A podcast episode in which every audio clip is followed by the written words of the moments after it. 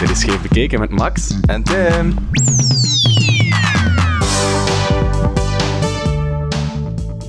Tim, was jij uit de kast toen je student was?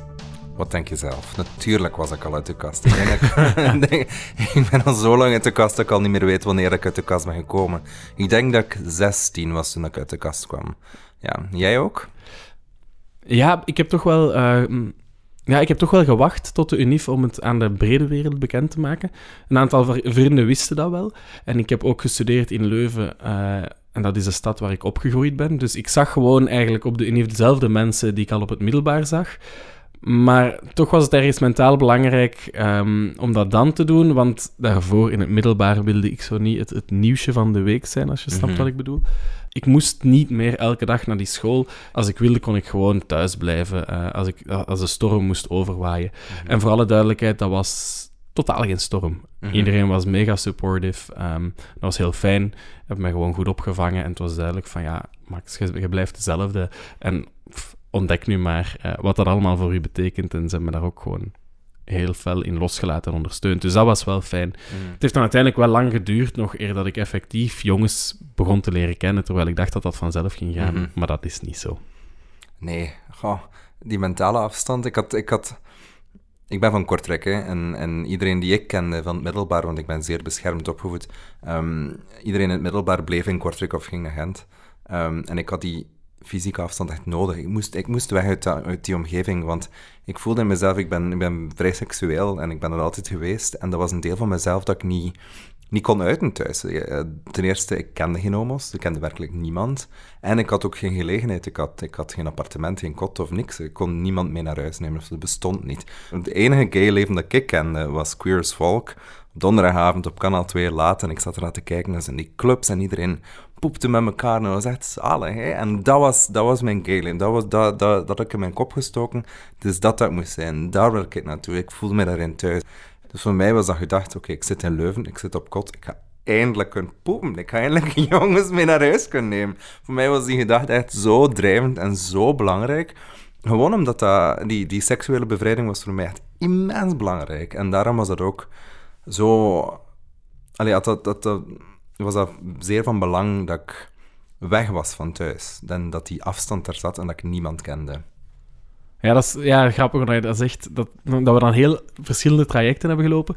Want ik denk ook wel effectief het feit dat ik niet van omgeving veranderde, eh, maakte wel dat ik veel trager was om daar in te rollen en dat ik nog veel meer die soort van respectability hoog wilde houden. Mhm. Eh, komt ook nog bij, eh, ik was de indie kid en een beetje ook een soort van het hipster-snobisme dat daar dan bij komt kijken. Ehm, ik zou kunnen zeggen, ik was die gast, eh, Joseph Gordon-Levitt in 500 Days of Summer. Veel te romantisch en denkende van... Wow, ik vind iemand die naar dezelfde muziek luistert. Wij zijn meant to be. Dus ik droomde van een lief op dat moment. Wauw, en ik droomde gewoon van echt ondertussen leven op dat moment. Ja, inderdaad. En er gebeurde bij mij echt net niks. En dan, als ik iemand ontmoette die ik dan wel nog oké knap vond en ik voelde van, ja, het gaat geen lief zijn, ehm, dan natuurlijk had ik wel die lustgevoelens. En dan zat ik zo gevrongen van, moet ik hier nu op handelen of niet? Ehm, dat zat dan zo'n beetje gevrongen. En ik weet ook, de allereerste keer dat ik dan uiteindelijk met een jongen ben meegegaan, heb ik echt zo gezegd van, ja, maar we gaan elkaar toch nog zien, hè. Eh, dat was belangrijk voor mij op dat moment om dat in mijn hoofd te steken, terwijl ik die jongen helemaal niet meer wilde zien. Dat, dat was het erge. Hypocriet, joh. Ja, Hypocriet. zoiets. Ja, ja. Nee, dat, dat is erg hoe dat je zelf eigenlijk soms dingen wijs maakt om dan toch maar gewoon je ding te willen doen. Eigenlijk wilde Mm. ik gewoon seks. Ja, Net als jij. ja, maar... Maar aan de andere kant, me, allee, ik was ook al super naïef op dat vlak, hoor. Want ik dacht, met heel dat idee van queer as folk in mijn hoofd... ehm, iedereen doet het met elkaar, iedereen is vrij, iedereen heeft die nood om zich seksueel te bevrijden en doet het dan met elkaar. En iedereen is... Allee, pff, ik kan niet zijn verliefd op elkaar, maar gewoon like, into each other lichamelijk dan en daarmee gedaan. Dus ik ging van de ene op de andere en ik dacht van, ah, chill, iedereen, oh, dat is hier zo tof en iedereen dit en dat. En plotseling kwam dat terug in mijn gezicht. Plotseling werd er over mij gepraat en plotseling werd er van, oei, die slaapt met iedereen of oei, dat die is echt niet te vertrouwen en dat is echt zo'n slet. En ik werd, ik herinner me nog heel goed, het heeft heel lang geduurd toen ik daarover was, immens geslutshamed. En ik was zo ongelooflijk teleurgesteld ehm, in, in andere homo's. Van ik dacht, maar we zijn toch allemaal... Allee, dat is toch de reden waarom dat we hier, waarom dat we hier zijn, waarom dat we onszelf seksueel willen bevrijden. Dat is toch like, de hoofdzaak van, van waarom dat we hier rondlopen en elkaar ontmoeten. Het is daar toch, daar toch rond dat draait. Ik bedoel, daar begint een alles. Dat was bij mij mijn begin en, begin en het einde. En die slutshaming was zodanig hevig dat dat mee heeft gespeeld in mijn beslissing om Leuven te verlaten. Ik wilde, ik wilde ook wel iets anders studeren en ik kon in Leuven, dan ben ik naar Gent geweest. En een soort van chiller leven of zo had. Um, dat is later wel terug op gang gekomen. Ehm, maar dat heeft wel echt meegespeeld. Dat was zeer zwaar om dragen, ook omdat ik toen enkel vriendinnen had. Ik kende ook geen homo's. Ik had gewoon... Homo's waren voor mij op dat moment uh, seksuele contacten. Dus ik had er niet echt een grote band mee. Uh, en met mijn vriendinnen kon daar moeilijk over spreken. Dat was zo wat gespleten. Dus ik was daar helemaal alleen in. Dat was echt wel moeilijk om dragen eigenlijk hoor. Want je zit dan zo ver van iedereen dat je kent, ver van alles dat je kent. Ver is relatief natuurlijk, maar in Belgische termen is dat wel ver. Um, en dan zit je daar alleen met die... Aan de ene kant dat slutshaming, aan de andere kant van shit, waarmee ben ik eigenlijk bezig? En dan die eenzaamheid, dat was niet makkelijk. Dus misschien had ik beter gewoon, eh, net zoals jij, zo wat trager aangedaan. Goh, ik denk iedereen heeft zijn eigen aanpak. Ja, ik guess, ja. maar als ik terugkijk, dan zou ik wel, of als ik zou zeggen, wat wens je een 18-jarige homo toe op de INIF? Dan zou ik niet zeggen een lief of romance of seks, maar dan zou ik wel eerder zeggen gay vrienden. Mm. Gewoon om die, om die dingen daarmee te kunnen bespreken die je toch minder makkelijk of niet op dezelfde termen en niet in dezelfde termen kunt bespreken met, Nee, met ja. hetero-vrienden. Mm, zeker. Ja. Dat heeft mij veel meer uit zo uw, uw gay isolement of zo getrokken dan, Mhm. Dan per se op zoek te gaan naar een lief of naar seks. Ja. ja, bij mij is dat dan in Gent gebeurd. Hè. Later dan ben ik... Als ik daar nu op terugdenk... ehm, op het moment dat ik, mijn gay-vriend toen heb leren kennen, of dat er toen een echte hechte vriendschap is ontstaan, ben ik ook zelf gewoon beter geworden en ben ik daar veel meer mee in trainen gekomen. En dat waren, ik had ook het geluk dat dat heel open-minded ehm, gays waren die, die daar ook samen over spraken en die spraken over seks en buitenrelaties en seksualiteit. En, en dus dat was heel, dat viel op een zeer goed moment en, en ik, daar, heb, daar heb ik heel veel aan gehad. Dan ben ik echt uit dat soort van die gay eenzaamheid geraakt dat ik wel had in, in mijn eerste jaren Leuven.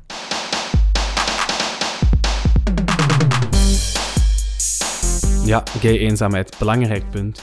We gaan het daarover hebben met studente Eva Sevrin en we spreken met haar ook over queer awakenings op Erasmus. Maar eerst wil ik het toch nog even hebben over die overgang van een oud naar een nieuw leven. Want dat is voor transpersonen nog veel, veel ingrijpender.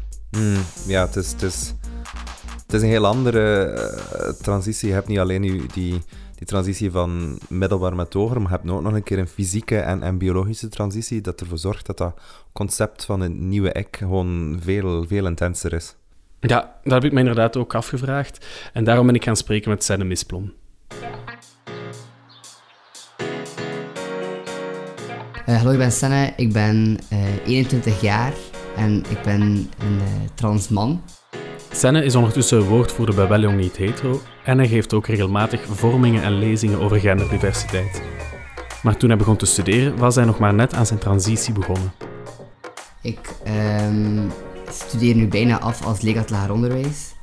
Ehm, en ik ben eigenlijk mijn sociale transitie pas ehm, vier jaar geleden of zo gestart. Dus toen zat ik eh, aan... eh, allee, ben ik gestart aan de UNIF in, eh, aan de QLAC in Kortrijk. ehm, als Senne. Maar ik op dat moment wist nog niet heel de wereld dat ik Senne was. Maar dat was wel heel fijn om... eh, ja, om gewoon eindelijk na dat middelbaar al een keer ja, mijn my true self te kunnen zijn zonder dat, ja, dat de wereld al moest weten.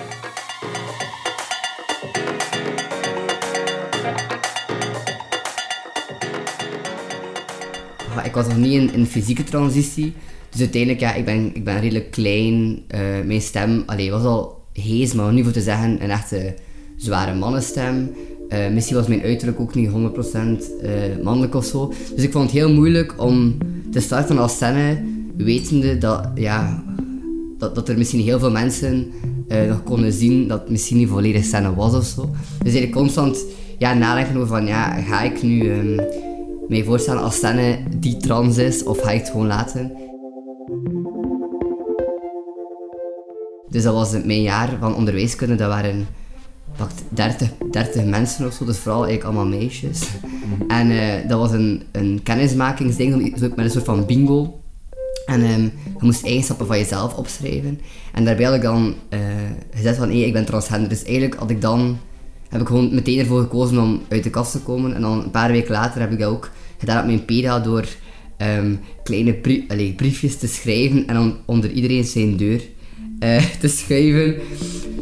Dus ja, ben ik zo een beetje erin gerold mm -hmm. aan, de, aan, aan de kulak. Maar dat heeft dus maar een maand geduurd. Uh, ja, wel, dus ik ben al een maand heb ik gestudeerd, um, maar ik, ja, ik zat op dat moment zo slecht in mijn vel. Allee, ik was pokken depressief en eigenlijk was ik niet, uh, ik had geen enkele mentale ruimte nog om te studeren. Ja, je moet je ook voorstellen, als transpersoon word je van, uh, van op een hele jonge leeftijd geconfronteerd met heel existentiële vragen. Uh, van ja, wie ben ik? Wat, hoe wil ik door het leven gaan? En daardoor was ik ook echt wel onder de indruk van mijn gesprek met Senne. Want als 21-jarige had hij echt al een heel genuanceerde, heldere blik op de wereld. Maar dat heeft dus ook een keerzijde. Want van op jonge leeftijd word je eigenlijk gedwongen om al heel volwassen om te gaan met de, ja, met de wereld rondom je. Ja, dat moet mentaal echt heel zwaar zijn. Ja, dat was dus ook uh, het geval bij Senne. Hij is dan na die maand studeren uh, in opname gegaan. En daarna heeft hij nog een paar maanden gewerkt om dan eigenlijk een jaar later met een schone lei te beginnen in Gent, aan de Hoogent, lerarenopleiding. Alleen was daar weer ja, een kleine uh, horde, want zijn studentenkaart die vermeldde nog altijd zijn oude naam.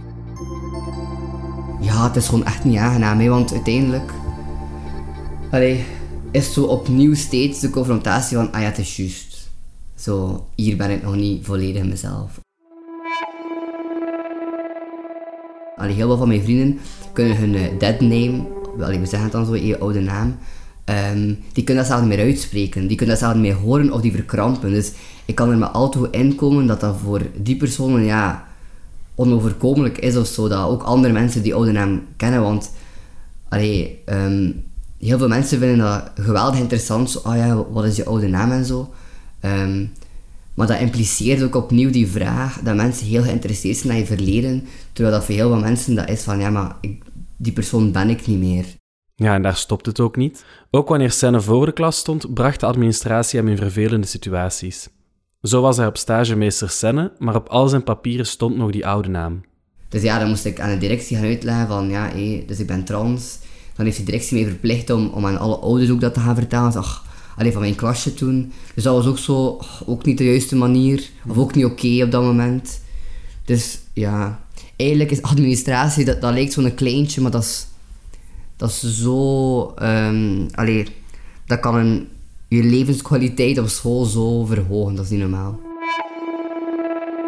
Naast het administratieve luik, als we, als we dat buiten rekening houden, denk ik wel dat ik mij meteen eigenlijk wel op mijn gemak voelde. Allee, al, al mijn klasgenoten waren daar dik oké mee. Zo, ja, je hebt altijd wel mensen met hele interessante vragen, tussen aanhalingstekens. Oh ja, zo, oh ja, en, um, heb je al de operatie gehad en maak een foto zien van vroeger? Alleen niet veel mensen vinden dat een vraag. Want ja, ik vraag ook niet aan iemand dat ik vijf minuten ken, van ja, hoe lang is die? Zeker omdat dat steeds is dat... Um, allee, die vragen impliceren opnieuw zo van ja, ik zie jou als transpersoon. Of ik zie jou als iemand die ooit dat was. Die persoon is ook meer dan dat, hè. Allee, ik ben veel meer dan enkel die transidentiteit. Het is een belangrijk stuk en ik babbel er fantastisch veel en graag over, maar ja, hopelijk ben ik toch nog iets meer. Ja, en de klas is natuurlijk ook maar gewoon de klas. Maar wat mij ook wel raakte en misschien wel herkenbaar is voor uh, ja, alle LGBT-jongeren van de internetgeneratie, is eigenlijk hoe dat het internet voor ons eigenlijk ook wel een hele warme plek kan zijn. Um, bijvoorbeeld in het middelbaar was Sennis heel, heel actief op Tumblr. Ja, wow, ik ben zo dankbaar voor Tumblr, maar... Ja, Tumblr. Ik denk dat dat voor veel queer kids van onze generatie echt wel een safe space was, in de meest zuivere zin van het woord.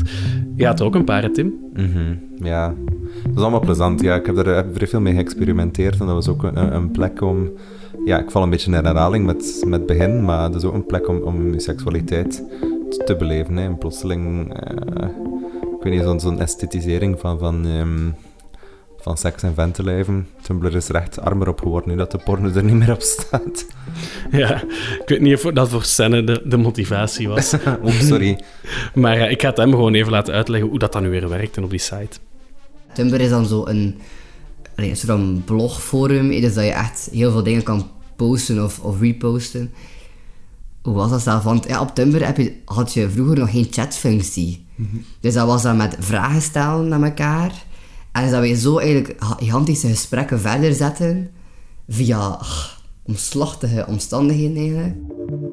Toen was Tumblr mijn, mijn vluchtoord of zo. In mijn andere sociale media postte ik dan natuurlijk eh, dingen die volgens de norm alleen hoorden of zo. Of praat ik over dingen volgens de norm. En dan op mijn blog kon ik ook gewoon even ja, alles eruit smijten. Of, of ook gewoon aangeven dat dat bijvoorbeeld niet ging. Want niemand in mijn, in mijn omgeving wist dat ik depressief was.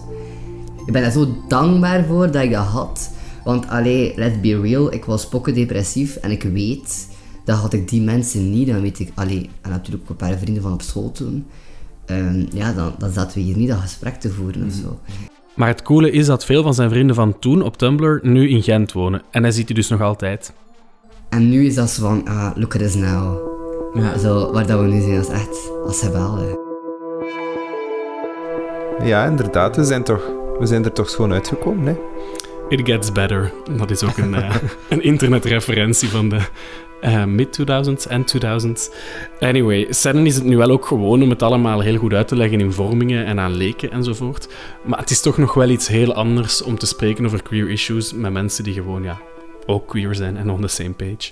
Natuurlijk, uh, zeker met mijn transvriend, uh, het merendeel van de onderwerpen waarover wij spreken is transitie, fysieke transitie. Um, ja, ook omdat dat, omdat dat nu een heel belangrijk stuk is voor heel veel mensen. Zo die geslachtsoperatie die heel wat miserie brengt en voor anderen allee, wel goed loopt, dan kun je daarover babbelen.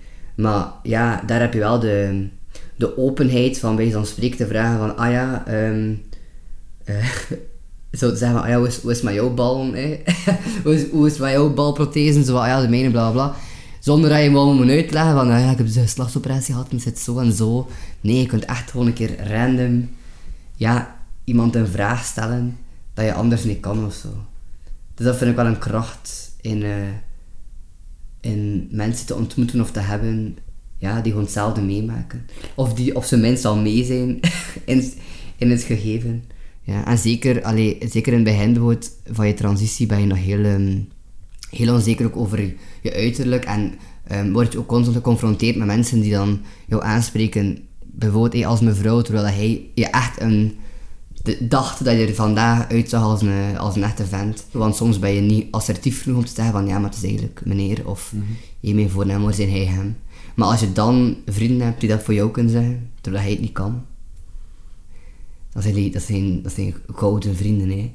Ja, en daar hebben we het weer, het belang van queer vriendschap en, en die, dat soort queer netwerk dat je gewoon nodig hebt. Ja, zeker. En wat mij dan ook wel echt opviel na het interview met Senne, was eigenlijk ook mijn eigen naïviteit daarin. Omdat ik ben toen naar dat interview gegaan met het idee uh, van ja, die transitie, uh, sociaal en fysiek, die dan samenvalt ook met die transitie van middelbaar naar hoger onderwijs. En hoe dat daar een soort van ja, parallel is met het homoleven, waar je dan uit de kast komt. Maar dat is naïef in de zin van dat een coming-out als transpersoon echt ja, zoveel ingrijpender is op verschillende aspecten in je leven. En, mm -hmm. en daar heeft Senne ook wel een aantal mooie dingen over te zeggen. Mhm. Ja, want uiteindelijk, ja... Ik, allee, ik ben al jaren uit, in de, allee, uit de kast geweest als, als lesbienne of zo, dus ik heb... Allee, ik kan niet zeggen dat ik het perfecte perspectief of zo kan benoemen, maar ja, je merkt dat dat toch wel iets, iets, um, iets volledig anders is, omdat uiteindelijk... Allee, homoseksualiteit is... is uh, ja, één lijn eh, op de intersectionaliteit of zo, maar natuurlijk, ja trans zijn is, is meer dan enkel één lijntje. Dat is ook gewoon ja, je uiterlijk, de, hoe dat mensen jou aanspreken, uh, hoe dat, allee, jouw lichaam. Dus dat is zo heel veel verschillende dingen dat andere mensen vooral ook rekening mee moeten houden. Want ja, zonder uh, de goodwill van anderen kan je ook niet jezelf zijn. Dat is mm helaas een feit. En ik voel dat dat gewoon uh, iets meer obstakels is dan toen ik bijvoorbeeld lesbisch was. Dat is zo raar, maar toen mm ik lesbisch was. Waarbij ik niet wil zeggen dat de struggles niet real zijn. Hè. Nee, nee, nee. They are, maar gewoon op een ander level, denk ik. Een belangrijk aspect is ook gewoon fysieke veiligheid. Ik denk, wij als homo's voelen dat ook wel, maar ehm, de publieke ruimte is denk ik veel vijandelijker wanneer dat je grenzen of opgelegde grenzen rond gender begint uit te dagen en die overschrijdt. Ja, dat is echt zo'n een, een, rode lap op een stier. Hè. Allee, dat, dat is hè. Dat als een man, eh cisman, voor het nagelak draagt. Dat alleen al is al, is al voor heel veel mensen een, een overschrijding van gender. wordt. Dan, en dat lokt zodanig veel agressie uit. Dus ik... Wow, my, dat, is echt, dat is echt problematisch. Dat is heel merkwaardig, vind ik. Dat is, dat is triestig zelfs. Ja, dat is enorm beangstigend en dat zit ook constant in je achterhoofd wanneer dat je uitgaat met een heel diverse groep eh queer vrienden. En dat vertelt Senne ook. Als je aan het uitgaan bent, ja, soms kan je wel een keer van een kroegtocht doen, bij, bij wijze van spreken, en dan merk je van, ah ja, dat is hier misschien niet zo chill of zo. Maar meestal, ja, als dat op een normaal uur is, alleen, ja, de mensen zijn nog niet thuis zat of zo, dan heb je, meestal niet zoveel harassment of zo. Maar dat kan wel gebeuren dat, allee, ik was er toen niet, maar dat waren mijn vrienden en die gingen uit bij oudjaar of zo. Ja, de charlatan begint zijn laatste set om zo 8 uur 's ochtends, hé, dus dat is wel voor de diehards daar, ik kan dat niet aan. Ehm, maar dat je ook merkte dat die daar wel heel hard ehm harassed zijn geweest allee, door andere mensen. En dan merk je van, ah. Dus het is blijkbaar toch niet overal dat we heen kunnen om op, op ons gemak ehm hier uit te gaan of zo. Dat blijft dus helaas wel een realiteit. Ja, maar dan, daarom is het ook misschien wel extra mooi dat hij dan kiest voor het onderwijs en, en zijn, zijn realiteit wil delen met anderen. Zeker, ik denk dat dat hem heel hard motiveert in die vormen die hij geeft. Hij zegt dat ook zelf. Eh, hij heeft een inzicht gekregen hoe het is om eigenlijk ja, aan beide kanten van het genderspectrum te leven. En dat zijn ja, dingen die hij gewoon echt wil meegeven aan anderen.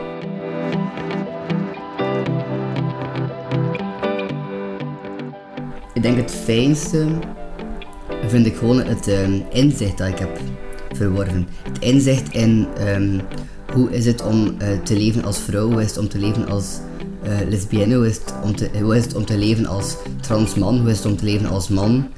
Ehm, dat is een inzicht dat niet veel mensen hebben, maar dat is zo'n rijk inzicht, want ik ben het levende bewijs wat dat male privilege is, wat dat male white privilege is. Ik weet perfect hoe dat het was om 18 jaar te leven als vrouw en hoe dat, dat nu zo'n verschil is ehm, met dat mensen mij nu zien als man. Ik ben er mee bang om door Citadel s'nachts rond te lopen, terwijl ik dat misschien 4, 5 jaar geleden wel, wel bang was. En alleen nog zoveel andere dingen, dat mensen mij sneller serieus gaan nemen, dat mensen sneller naar mij gaan luisteren, dat allemaal veel minder moeite kost.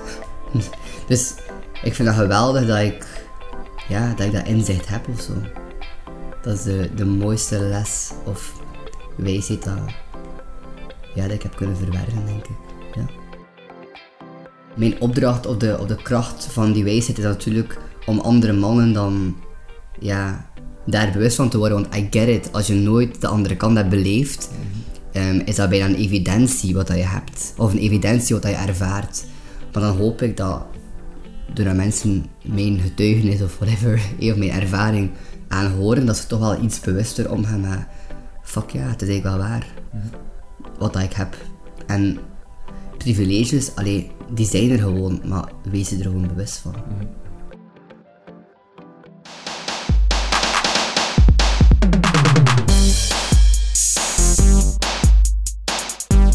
Dit interview werd al in februari dit jaar opgenomen, nog voor er van een lockdown zelfs sprake was. Senne die is ondertussen afgestudeerd als leerkracht lager onderwijs en zit in een schakeljaar naar een master in gender en diversiteit. Hij geeft nog altijd workshops en vormingen en hij is ondertussen ook al een klein beetje BV. Zo is hij een van de kandidaten voor de Slimste Mens 2020. Nu weet jullie meteen al wie onze topfavoriet is. Ja, we hebben het al gehad over het belang van ehm, hogere studies en weg van huis gaan om een queer identiteit te ontwikkelen. Eh, maar soms kan het zijn dat dat nog niet voldoende is en eh, moet je gewoon nog veel verder weggaan. En ja, het geluk is er natuurlijk dat er vanuit Europa en daarbuiten ja, programma's bestaan, Erasmus, om eh, eens weg te trekken. Helemaal naar een ander land. En bij ons hebben we nu Eva Severin, zelf nog student, ideaal en ervaringsdeskundige. Dag Eva. Hoi. Hey. Eva, ehm, ja, jij hebt onder andere het diversiteitsplatform Undivided aan de KUL uh, opgericht, maar jij bent ook in je... In hoeveelste jaar was dat dat je op uh, ja, Erasmus Plus bent gegaan? Uh, in mijn master van taal en letterkunde was dat, dat is twee jaar geleden. Ja, en dan ben je naar? Sydney geweest, in Australië. Ja. Dus helemaal de andere kant van de planeet. Oké, ja, fantastische kans. Uh, Tim, jij bent ook uh, op, op Erasmus getrokken, toch? Ja, toeval wel dat ik ook naar Sydney... Nee, ik ben niet naar Sydney geweest. Ik ben naar Oslo geweest, niet zo, niet zo de andere kant van de wereld. Maar toch uh, ver genoeg, vond ik. Ja. ja, zelf heb ik ook het geluk gehad om um, naar, ja, naar de University of Illinois te gaan, Urbana-Champaign. En dat is Amerikaanse universiteit, twee uur van, van Chicago, ergens tussen de maisvelden maar echt wel wat je voorstelt bij een soort typische Amerikaanse campus. Um, Eva, ik wil weten, die uitwisseling naar Australië, was dat belangrijk ook voor jouw queer identiteit? Uh, ja, toch echt wel. Um, ik heb het eigenlijk ook gehad met een paar van mijn vrienden, mijn mannelijke vrienden die queer zijn, over wat universiteit ook is voor zo seksualiteit ontdekken en zo. En zij zeiden ook van, ja, naar Leuven gaan was echt een heel grote stap in dat ontdekken. En ik moet zeggen, ja, rond mijn 18 is dat bij mij wel begonnen, dat ik zo met meisjes begon te zoenen en zo. Hè. Um, maar die stap naar Leuven was eigenlijk um, niet zo verhelderend op dat vlak, um, als ik toch wel bij een aantal mannelijke vrienden hoor. Ik heb daar dan wel over nagedacht, van ja, is daar een reden voor dat dat precies bij mij minder was? Maar ik moet wel zeggen, als ik daaraan terugdenk, is de beperkte queer visibility of zo die er is in Leuven, want ja, het blijft wel Leuven natuurlijk, vooral mannelijk misschien wel. Ik denk, ik moet eerlijk zeggen, ofwel heb ik, ben ik daar niet terechtgekomen, maar het aantal van plekken waar vrouwelijke queerness een soort van plaats had of, of ruimte voor was, was wel echt heel beperkt. En ik ben daar wel echt niet mee in aanraking gekomen. En dat was niet dat ik um, niet zoekend was of zo. Dat was niet dat ik daar nog niet voor open stond of zo. Want ik stond daar, ik stond daar wel echt voor open. Maar dus dat community vinden, um, dat vrouwelijke, dat, dat, dat was ook wel niet. En als ik me niet vergis, is dat ook wel breder in België ook wel een beetje een probleem. Hè? Zo vrouwelijke... Het is, het, is, het is wel soms moeilijk om vrouwelijke queerness te vinden. Mm. En was dat dan helemaal anders in Sydney? Oh boy. ja, echt, echt ongelooflijk. Dus ja, je denkt, je denkt uh, als als droom is het natuurlijk om bijvoorbeeld, ja, als je kijkt naar al van die studentenverenigingen en zo, stel je voor een studentenvereniging enkel voor queer vrouwen. Dat klinkt toch echt als, als mm. wauw. Nee, nee.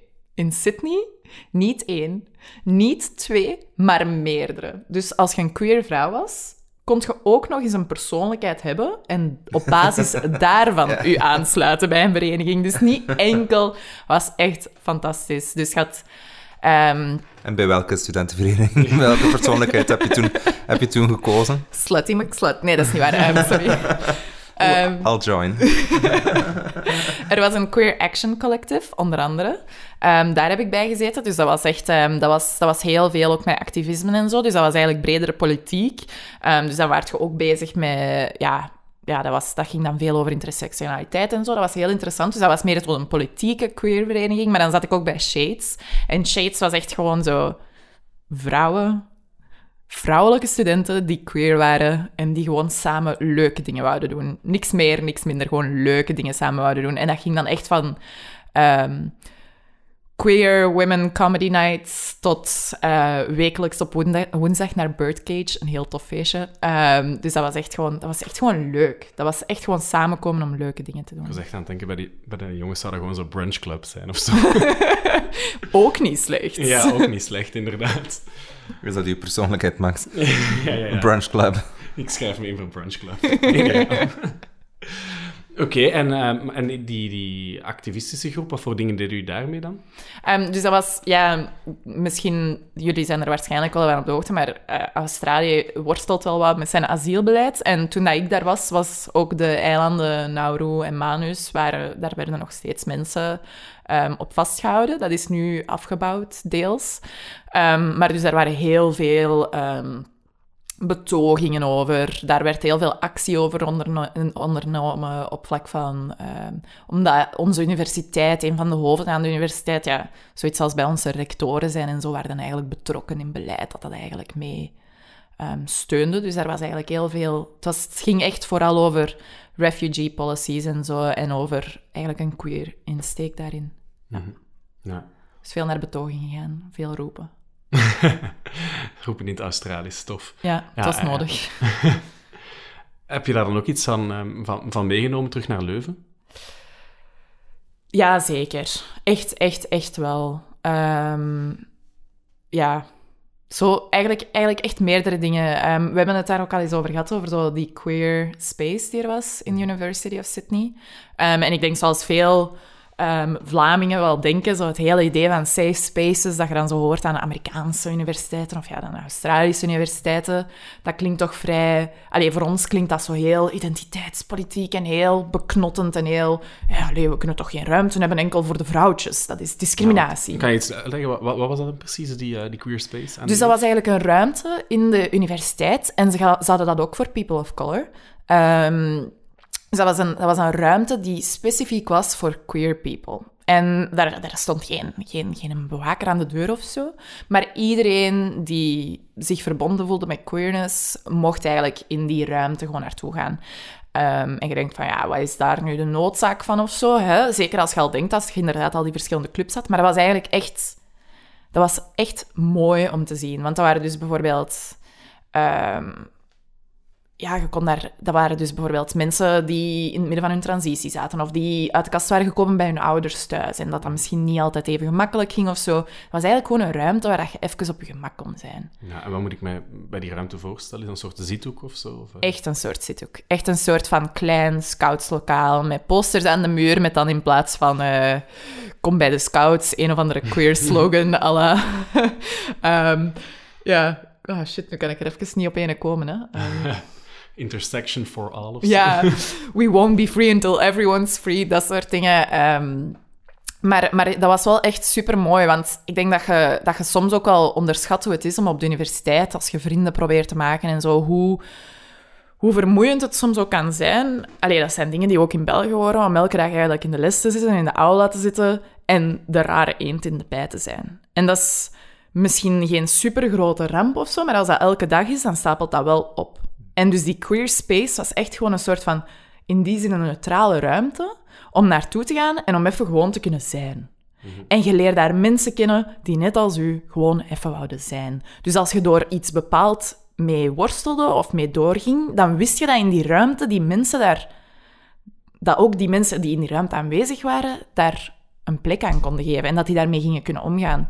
En ehm, mijn vrienden die dan people of color waren en die dan in die ruimte waren waar dat people of color waren, voor hun was dat ook super, super fijn, omdat ja, je zit soms in de aula met enkel witte mensen, maar dan als je dan in die ruimte komt, leert je eigenlijk mensen kennen die net als u, wel uw achtergrond, en dan heb je eigenlijk allebei die kanten, hè. dan kun je... Ja.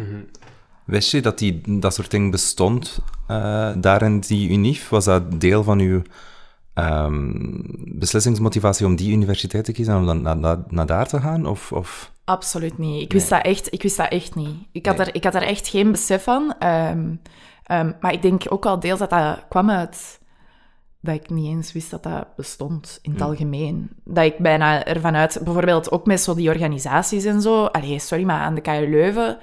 Dat is, ik kan me dat niet inbeelden. Dat er meerdere collectieven zouden zijn of meerdere organisaties zouden zijn waar dat er queer vrouwen en masse samen zitten, ofwel om na te denken over politiek, ofwel om gewoon leuke dingen met elkaar. Ik. Dat... Allee. Dus je, vo- je vond iets waar je niet wist en naar op zoek waart, zoiets. Ja, exact, echt exact dat. Exact dat. En dat was echt, in die zin echt wel een openbaring. En like, dus ze stapten op de vlieger van Zaventem naar Sydney. En is dat dan een van de eerste dingen dat je naar op zoek bent gegaan, naar die, naar die verbondenheid? Iets van, oké, nu ga, ik het hier moeten, ik hier moeten vinden, iets dat je in Leuven niet hebt gevonden? Of, of hoe heb je die mensen dan gevonden? Hoe heb je die scene dan gevonden? Ehm, je hebt zo, je hebt zo O-Days of zoiets heet dat. Zo alle, alle verschillende verenigingen hebben dan zo standjes voor zo de nieuwkomers. En dan kun je zo gaan kijken. En ja, ik was daar dan zo wat uit... Ik ben heel slecht in, ehm, in vrienden maken in universiteitscontext of zo, in de aula-context. Ehm, dus ik was daar dan zo een beetje... Mag ik je pen Ah. lenen? ja, zo. Ik was daar dan zo'n beetje uit verplichting naartoe gaan en zo waar awkward aan het rondkijken. En dan het eerste wat echt mijn aandacht trok, was zo shades. Zo drie meisjes, hadden zo van die regenboogtutus aan. Echt, die waren mega vriendelijk, mega welkomend. En dat was echt gewoon zo... Ah, ik denk dat ik hierbij ga. Ik denk, ja, het is goed. Ik heb het gevonden. Ik ga daar naartoe. En ja, dat was het. Het is vrij snel al eigenlijk. Echt super snel. Want de eerste week, dat was een week van mijn verjaardag. En ik ben normaal gezien super slecht in zo van die sociale toestanden dingen doen. Maar ik was dus naar de openingsavond gegaan van Shades op woensdag. En spontaan nog mee uitgegaan met al die meisjes en zo. En dat was echt een prachtige avond. Goed gezoend ook. Echt super fijne avond. Dus, en die nacht was dus de nacht dat ik ook mijn verjaardag begon. En dat was echt... Ik had dat nooit kunnen dromen. Dat ik op mijn eerste week in een ander land eigenlijk zo gewoon gerold ben in... Ja, in zo'n verwelkomende groep. Dat was echt prachtig. Queer Paradise. Ja, dat was echt, dat was echt zo wauw. En die zo, ja, we gaan nog naar een club. Het is vanavond een feestje speciaal voor ehm, queer vrouwen met enkel indie-muziek. Eh, indie-pop of zo, ik weet het al niet meer. En ik zo, maar dat is specifiek. maar dat klinkt niche, dat bestaat. Oké, kom wel mee. Superleuk. Heerlijk. Ik heb misschien nog een opmerking dat, ik- Ja. dat ik wil maken. Ehm, wij waren alle drie uit de kast toen dat we begonnen met studeren, Ja. toch? Allee, Of toch in het eerste, toen dat we begonnen aan die Erasmus, hè, waren we alle drie uit de kast. Hè. Ehm, ik vond, toen ik in Oslo was, dat was er veel, allee, er was veel Europese, er was veel minder identiteitspolitiek aanwezig daar. Ehm, ehm, alhoewel dat, we, dat ik uit de kast was, was dat precies of dat ik opnieuw uit de kast kwam. Maar niet op een negatieve manier. Ik werd like, een soort van bewust van de context waarin ik leefde in, in België. Ehm, ja, ik was kijk wel open en oud en al, maar toch gevoeld like, een soort van die druk van eh, dat, je, dat je moet dat je gepoliced wordt, dat je gedrag, je seksueel gedrag vooral, wordt, wordt gepoliced. En plotseling is dat weg. Want ja, er is niemand dat je kent, dus al- als er mensen over je oordelen, ja, bent weg had er een half jaar, dus je trekt je daar niks meer van aan. En dat was like, zo'n bevrijdend, eh, dat was like, zo'n bevrijdend gevoel. Ehm, dat, die- ja, die Erasmus-ervaring heeft, heeft mij op dat vlak echt immens veel geholpen. Omdat ik veel bewuster werd van wat dat context doet met u. En als je plotseling uit die context wordt getrokken, zie je jezelf precies van buiten. Enfin, dat was een heel metafysische ervaring voor mij. Bijna hoe dat je queerness dan eigenlijk tot uiting brengt of beleeft. Ja, ja, omdat ik vond dat er thuis, ook al zij open en ook al weet iedereen, toch heeft dat precies iedereen een mening over. Omdat je altijd thuis, omdat het hier zo klein is, ehm, je zijt altijd wie dat je bent geworden, of een of andere Ja. manier. Je draagt like, een soort van verleden en, en eh, markers met je mee. Like, ik, mijn, mijn accent bijvoorbeeld, of mensen die weten wie dat ik was in het middelbaar, of mensen met wie dat ik studeer of zo.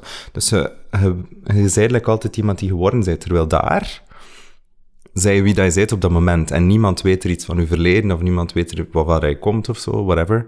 Ehm, er zijn weinig markers dat je met je meedraagt, zeker aan je- wedstrijd. Eh het enige dat je bent, een, een student. Ehm, en dat is zoiets bevrijdend, omdat je dan plotseling ook geconfronteerd wordt met, met je eigen en met je eigen manier waarop dat je in het leven staat. En dat vind ik echt een, een, een ervaring dat ik nooit ga vergeten. Ook al was mijn ervaring in Oslo redelijk onschuldig uiteindelijk hoor, maar toch, ik vond dat zo'n... Dat was zo'n bevrijding om weg te zijn van die, van die beklemmende context van hier in België. Nou, ik denk dat dat Dat is even een dieper momentje. Nee, maar ik, denk dat dat inderdaad wel gewoon de waarde is van een keer weggerukt te worden vanuit je dagelijkse context. Allee, ik herken mezelf er ook wel in, in het feit dat je dan van op een afstand kan kijken naar, ah, dat is België. Want als je er middenin zit, eh, is alles vanzelfsprekend, maar door die afstand te nemen, zeg je je veel meer bewust van bepaalde conventies en dat dat ook maar een, conventie is. Maar ook gewoon omdat je als persoon zo bent ehm, gegroeid van in de zin op individueel vlak, dat ik dat allemaal... Oké, ik ben naar, naar de andere kant van de wereld geweest ehm, en ik heb me daar gewoon mijn plannen getrokken. Het is niet altijd gemakkelijk geweest, maar ik kijk daar wel met ontzettend veel goede herinneringen naar terug. Ehm, ik, ben toen ook ja, gaan couchsurfen, een, een week alleen in New York. En dat je dan beseft van, oké, als ik dat kan, wat kan Leuven mij dan schelen? Wat zou, wat, zou ik mij nog moeten generen om naar de Key West te gaan, bijvoorbeeld? Ik herinner me een heel specifiek moment ehm, dat ik... Dis- disclaimer, de Key West, voor de mensen die dat niet weten, is een legendarische, reeds gesloten eh, gay bar in eh, Leuven. Ja, RIP Key West. uh, maar ik herinner me bijvoorbeeld een heel specifiek moment dat ik door de Parijsstraat liep. Uh, u wel bekend in Leuven. En er liep zo'n groepje jongeren, studenten voor ons, heel traag. En ik was echt zo, ja, ik weet niet, sassy aan het roepen, move bitches, heel irritant. Maar ik zou dat daarvoor nooit hebben gedaan. Uh, maar gewoon op dat moment was ik zo, denk ik, on top of the world of zo, dat dat mij allemaal niet kon schelen. En ik herinner me ook dat vrienden me zeiden, en, en niet in negatieve zin, totaal geen negatieve connotatie, maar gewoon zo, ah ja, je bent wel gayer geworden, Max. Dank u. Of gewoon irritanter, Max. Ja, die move bitches zou ik dus echt wel niet meer doen. Heel Amerikaans.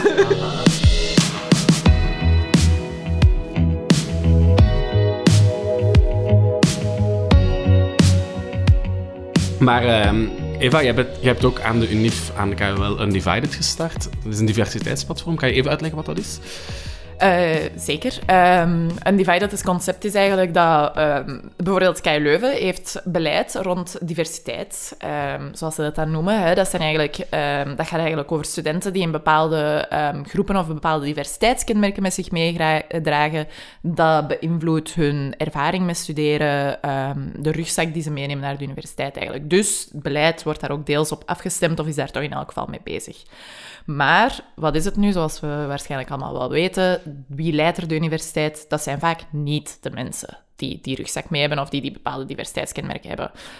Ja, dat zijn eigenlijk gewoon allemaal witte dudes, witte vrouwen. Ehm, iets minder dan de witte dudes nog steeds, maar toch ook wel witte vrouwen. Ehm, die allemaal rond de tafel zitten en die eigenlijk um, professoren ook zijn en die eigenlijk proberen na te denken, ja, wat gaan we nu eens doen voor die doelgroepen? En het concept van een divided is eigenlijk van, in plaats van dat dat dus zo top-down, um, dat beleid wat uit de losse pols, want ja, er wordt ook heel weinig onderzoek gedaan naar wat juist de pijnpunten zijn, naar wat er juist, welk beleid nu juist kan helpen en welk uh, positieve resultaten neemt. daardoor is het misschien wel interessant dat we een, een manier hebben om de studenten zelf, die er wel zijn, te betrekken bij het beleid. Dus dat is eigenlijk heel kort. Het concept is eigenlijk studenten die uit de minderheidsgroepen komen, um, dat die rechtstreeks inspraak krijgen in, de, in, de, in, de, in het beleid van de universiteit. En dat is interessant, want zo is er bijvoorbeeld de diversiteitsraad in de KU Leuven, is het hoogste beslissingsorgaan op vlak van um, diversiteitsbeleid. En daar zit dan ook um, de vertegenwoordiger in, die dus ook rechtstreeks inspraak zo heeft. En ben je dan gestart na die periode in Australië? Nee, eigenlijk vlak ervoor. Ja. ja met het, uh, ik ben eigenlijk vertrokken naar Australië met het moment, dus ik heb eigenlijk um, um, heel de, de, de, de, op, de oprichting en de opstart eigenlijk gedaan. Ik heb dus eigenlijk het, het model zo uitgewerkt op voorhand. En dan met de opstart zelf ben ik dus eigenlijk vertrokken naar Australië. En is dat dus eigenlijk echt de studenten... Allez, ik was zelf ook een student, hè, maar ik bedoel, zijn dat dus andere studenten geweest die eigenlijk het echt inhoudelijk vorm hebben ge um, gegeven en het gemaakt hebben tot wat vandaag is. Wat ik toch denk dat heel interessant is. Veel over decolonisering, heel veel ook over LGBT-rechten en zo. Dus wel echt heel fijn. Mhm. Ben je er nu ook nog bij betrokken?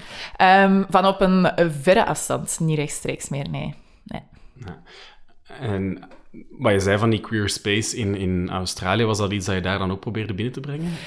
Um, dat zou natuurlijk idealitair zeker het geval zijn, maar um, dat is iets waar, wat op meerdere momenten geprobeerd is geweest en wat heel moeilijk is. Want zelfs Undivided heeft geen ruimte echt gekregen, dus dat zou, vanaf dat Undivided een ruimte zou hebben, zou dat eigenlijk natuurlijk ook mogelijk zijn. Maar dat is, dat is zo'n moeilijk onderwerp om aan te brengen, daar is zoveel weerwil over binnen de universiteit, wat absurd is, in mijn opinie. Um, ik denk dat er echt niemand zijn hand zou omdraaien voor het idee als nu ineens VRG, de rechtenstudenten, zeggen wij willen toch wel een ruimte um, voor iedereen die geïnteresseerd is in rechten. Dan is dat van, oh ja. Maar als je nu zegt van ik wil een ruimte voor iedereen die uh, geïnteresseerd is in queer belevenis of in de realiteit van een queer persoon te zijn, dan is dat ineens identiteitspolitiek. Mogen daar dan geen witte mannen meer in die hetero zijn? Um, dus ja, dat is, dat is echt super gevoelig. Nee. um, ja, daar maak ik geen uitspraken over. ja, maar ik wel. Nee. nee, dus dat, dat, is, dat is echt absurd hoe gevoelig dat, dat ligt er wel. Ik denk echt... Ik denk echt dat dat zo'n groot verschil zou maken. Want dan geeft je eigenlijk de ruimte aan de universiteit om, omdat we met zo weinig zijn. Hè. Mhm. Omdat, we, omdat we met, er zijn zo weinig mensen uh, van kleur aan de KU Leuven. Dat het gewoon moeilijk is voor hen om elkaar te vinden. En wat zie je nu? De KU Leuven um, accommodeert hen niet. En dan krijg je zo van die, van die, echt van die grassroots initiatieven. En dan zijn ze daar geïrriteerd voor, dat die toch wel iets te veel in hun mond opentrekken en dit en dat. En dan denk je van, ja, jongens... Allee, we, er- we hebben geen ruimte. En als ze dan hun eigen ruimte creëren, dan, dan is het nog niet goed. En dan zijt je nog boos. En dan gaat je nog naar studenten bellen om te zeggen dat ze toch iets minder frank op Twitter moeten praten. Dat, Dat wordt, ge- dat wordt gedaan. dat wordt gedaan. En dan terwijl ook nog eens eh, claimen dat we al inclusief genoeg zijn, ja, dat is natuurlijk heel, heel krom. En, en dat, dat kweekt gewoon superveel, ik weet niet wat het Nederlandse woord is, resentment bij, bij studenten. Van ja, kom, Ja. we moeten daar niet stom over doen. Hè? Sorry, maar als queer vrouw aan de KU Leuven, hoe moeilijk is het om mensen te vinden zoals u? Ja, want we hadden het dan... Ja, Key West bijvoorbeeld is al gesloten en dat was dan ook nog eens voornamelijk een mannelijke ruimte. Ehm, Alhoewel, ik ging daar altijd na de Albatros eh, sigaretten stelen van lesbiennes. Samen met een vriendin van mij. Dat toen- Inclusiviteit. Ja, daarover gaat het uiteindelijk. Hè. Als het puntje bij paaltje komt, dan zijn wij helemaal niet zo verschillend. Ik vind dat echt een inspirerend verhaal. Nee, ja, wat ik me dan afvraag... ehm, ja, wat is er vandaag nog? Ik, wat wij bijvoorbeeld niet hadden, was ehm, dating-apps. Maar ja, dating-apps hebben ook wel de gay bar gedood, in zekere zin. Ehm, ja, hoe is dat nu als student eigenlijk? Ehm, ik moet zeggen dat ik volledig op mijn eigen netwerk terugval. En dat eigen netwerk is echt met zoenen en opstaan gecreëerd geweest. Dat is echt gewoon meisjes zoenen, vriendinnen mee worden, met die Ja. hun ex-vriendinnen worden. Dat is zo echt he- een heel traag proces. Ik ben, pas op, ik ben heel blij met de, met de, met de prachtige vrouw die ik nu rond mij heb, maar ehm, dat is gewoon een, een super traag... ehm, ja, via daten proces. Maar hoe daten je- is bijna de enige Ja. manier om mensen te leren kennen. Maar hoe vind je elkaar dan? Ehm, ja, Tumblr vroeger. En dan een tijd is het echt via via. Dus eens dat je zo... Of, en nu spreek ik echt over mezelf. Eens dat je zo drie mensen kent, is het zo... Ja, dan bouwt je dat langzaam op naar toch wel zeker 15 of zo, hè? het maximum. Dat is ongeveer het aantal queer vrouwen in België, denk ik. Dus. dan zit je er wel mee. Aha, ik heb die studie ook gelezen. ik ken ze nog van in de, van in de Key West van vroeger. Ik heb daar eens nog sigaretten van gepikt. Nee, maar Nee. ik vind dat wel een superbelangrijk onderwerp. Inderdaad, hoe bouwt je zo'n netwerk op? Dat is wel iets dat je u als 18-jarige die pas gaat studeren, u wel afvraagt. Want je zei op dat moment van, ik ben zo klaar om nu ja, mensen leren kennen, om mensen te zoenen, mensen te seksen, weet ik veel, en gewoon vrienden te maken. Maar begint er maar eens aan als je niemand kent. Het is ook, eh, vind ik, er hangt ook een problematisch aspect aan binnen onze gemeenschap. Hè. Als, als mensen leren kennen altijd, zoals hij zei, gelinkt is aan daten en wordt zeer sterk geseksualiseerd, dan wordt het ook super moeilijk om, om op een, ah, tussen aanhalingstekens normaal, maar op een, op een soort van hedendaagse, volwassen manier met vriendschap om te gaan. Als bijna iedere ontmoeting dat je doet met een andere queer persoon in een seksuele of... ehm, Romantische context. ja, of, of zelfs gewoon op café, drank en uitgaan en druk. Allee, dat zijn allemaal potentieel gevaarlijke... Of, of toch in ieder geval eenzijdige manieren om mensen te leren kennen. Terwijl... Ja, zeker. dat, is, dat is echt... ah, nee, dat, is- dat, is, dat is een groot probleem en je ziet dat. Allee, ja, dat is, En dat is iets waar dat dus de hetero-student geen last mee heeft. Als Nee, hetero-student kun je bij veto gaan. Hè? En mede-journalisten leren. Mensen die geïnteresseerd zijn in journalistiek. En mensen die geïnteresseerd zijn in dit. En dat is allemaal... En dat is dus ook wat ik bedoelde met dat, dat mij zo opviel in Sydney. Dat je dus queer organisaties had die ook nog eens inhoudelijk waren. Dus dat je eigenlijk ook queer mensen kon leren kennen in de context van over politiek praten of zo.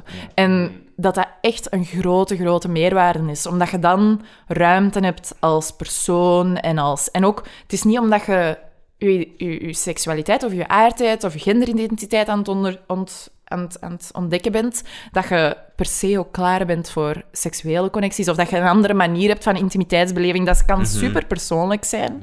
Ehm, dus als dat enkel via die seksualiteit is, ja, dat, dat, dat is gewoon niet voor iedereen.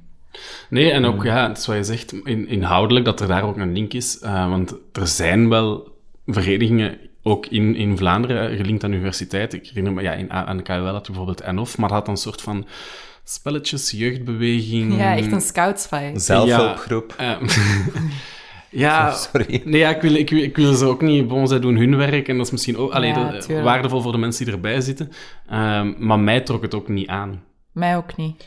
Ja. Maar hangt dat ook niet een soort van vast met hoe dat we in de loop van de tijd en hoe dat we opgroeien ook met over homoseksualiteit en queerness praten. Er wordt altijd gezegd, en er wordt altijd in ons ingelepen, ah nee, maar dat is een seksualiteit, dat is maar een deeltje van mij. Het is niet omdat ik... Ja, het is iets van een... allee, dat heeft niks te maken met de manier waarop dat ik in de wereld sta.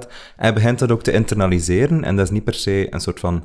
Oh, ik weet niet hoe kwaad of zo, hè, maar toch, je, de- je neemt dat mee, waardoor je ook denkt van, ah ja, maar waarom moet ik mij in, in verenigen, waarom moet ik mij daar per se mee bezighouden? Ik ben toch niet zo anders, of zo. Dus, dus we reduceren dat ook redelijk zelf. I'm tot just iets, like you. Ja, we reduceren dat zelf tot iets puur seksueels, maar dat is natuurlijk niet... Het, allee, dus het is lastig, hè? Ja, terwijl we waren het zo hard, bijvoorbeeld, dat als ik een student ben die ehm, enorm veel belang hecht aan bijvoorbeeld het milieu of zo, zou niemand het raar vinden dat ik vrienden wil vinden die ook daar zoveel belang aan hechten. Terwijl voor hetzelfde geld heeft het mij ook wel heel erg getekend dat mijn grootouders bijvoorbeeld heel homofoob zijn. Mijn onkel, toen dat hij uit de kast kwam, eh, volledig geëxcommuniceerd is geweest, drie jaar.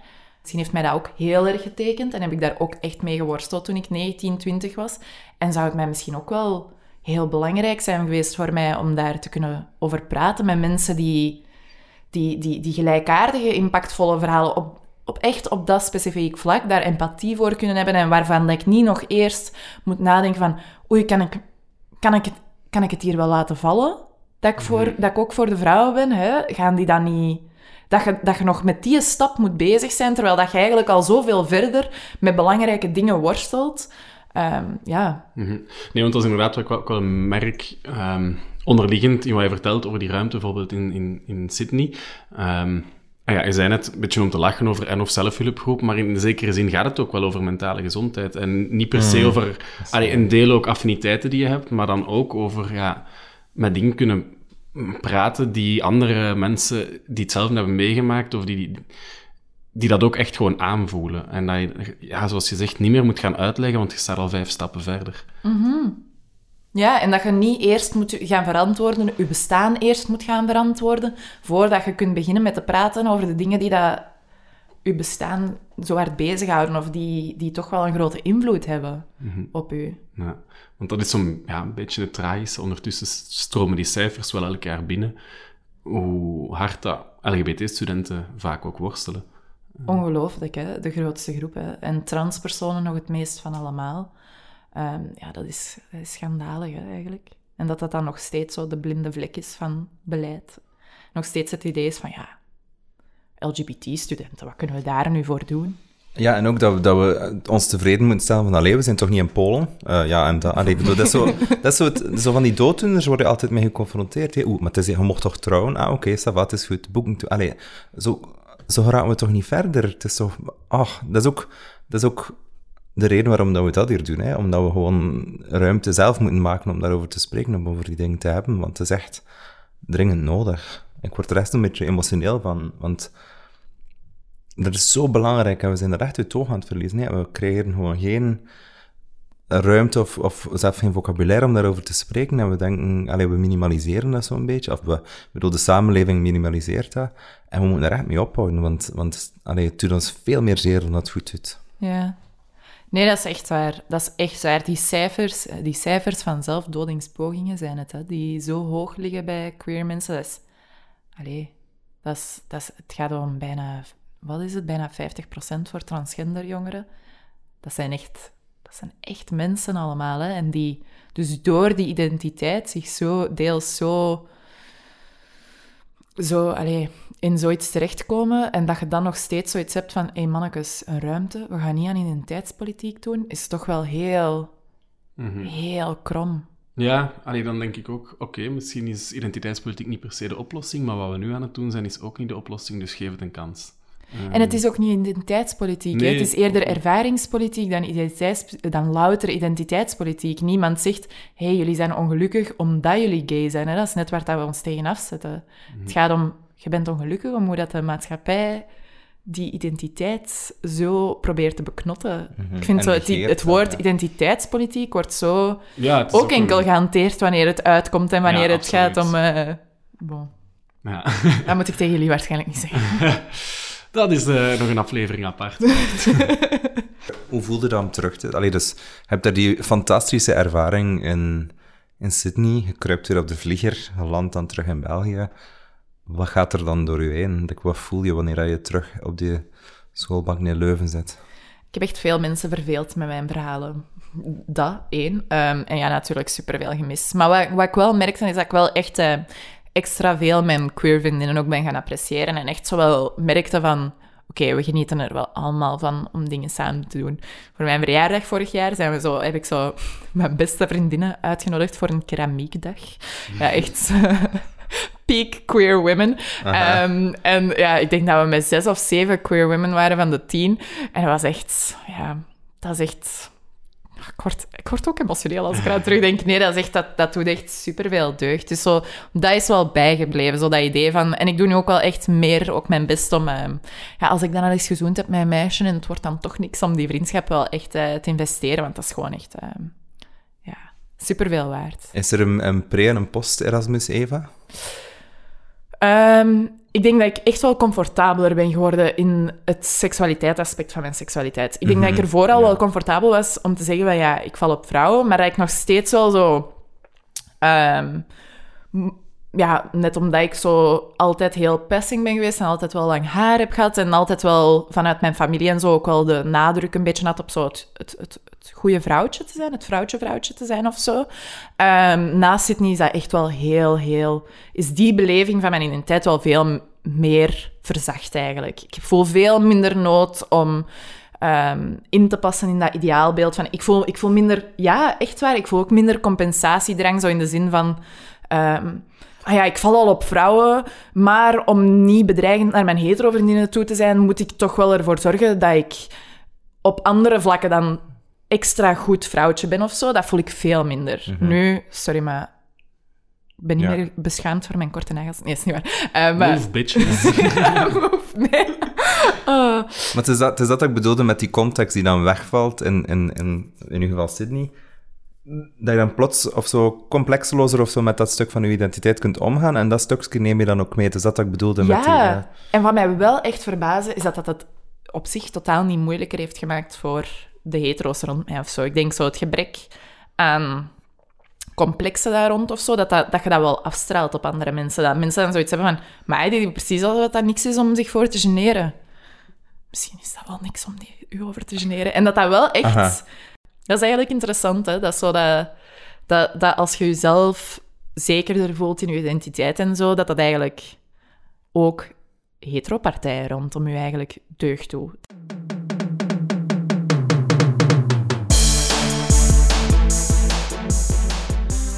En dan is het nu tijd voor een rondje scheef bekijken. Ja, waarbij we iets bekijken dat niet gay is, maar het wel zou kunnen zijn. En wat heb jij voor deze keer meegebracht? Ik wil het even hebben over bibliotheken. Niet mis. Ja, bibliotheken misschien wel eh, de meest nerdy scheef bekeken uit de geschiedenis van scheef bekeken. maar ehm, ik denk, ja, de bibliotheek heeft toch ook wel een queer eh, lading. Mhm, Of zeker, toch, ja. ja. toch voor mij. Muf. Muf, inderdaad. een muffe queer, een muffe.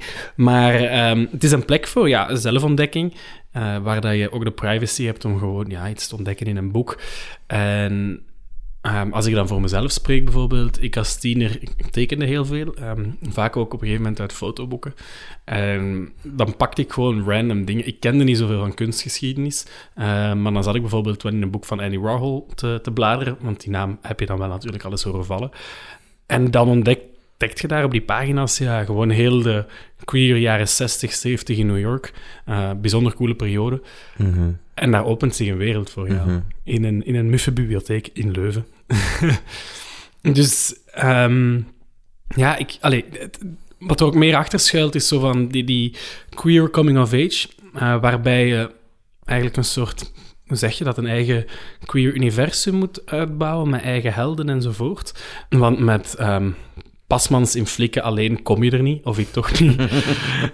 Eh, nee. nee, voilà. Dus eh, voor mij was dat dan, ja, ik zeg maar Andy Warhol, eh, Kelly Okereke, de, de zanger van Block Party, dat die mensen ook gay zijn in die werelden, dat betekent voor mij veel van, ah ja, want je, je leert wel dat daar zogezegd niks mis mee is, maar ondertussen krijgt van heel de wereld wel signalen dat dat toch iets is om je over te schamen, of dat er wel iets mis mee is.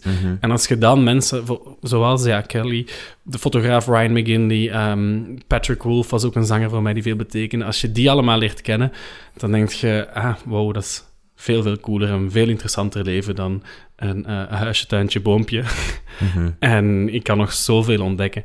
En dat zijn dingen die, ja, bon, het internet eh, is daar ook een, natuurlijk een grote factor in. Maar een fysieke plek als een bibliotheek, ehm, dat zegt toch nog veel, allee, zegt ook heel veel.